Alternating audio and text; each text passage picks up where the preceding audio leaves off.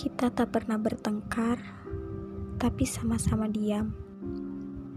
Kita tak pernah berselisih hebat, namun saling menciptakan sekat. Menjadi sebatas saling melihat story, tanpa pernah berani memulai ruang bicara. Semisal hai atau sorry. Padahal, sebelum hening ini terjadi, kita pernah saling bertukar cerita hingga pagi berkeluh kesah perihal hari berat yang dilalui.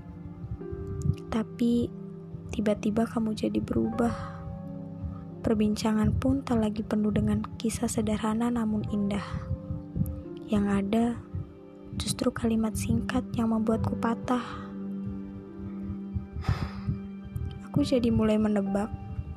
Barangkali kedekatan kita kemarin adalah kesengajaanmu mencari teman pengusir bosan.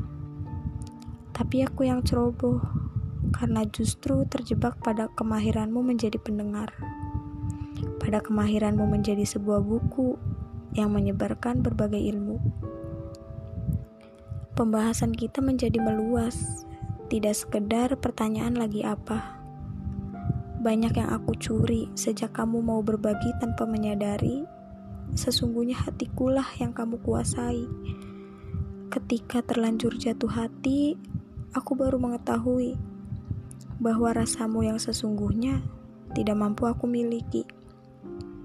Ada orang lain yang sudah terpatri.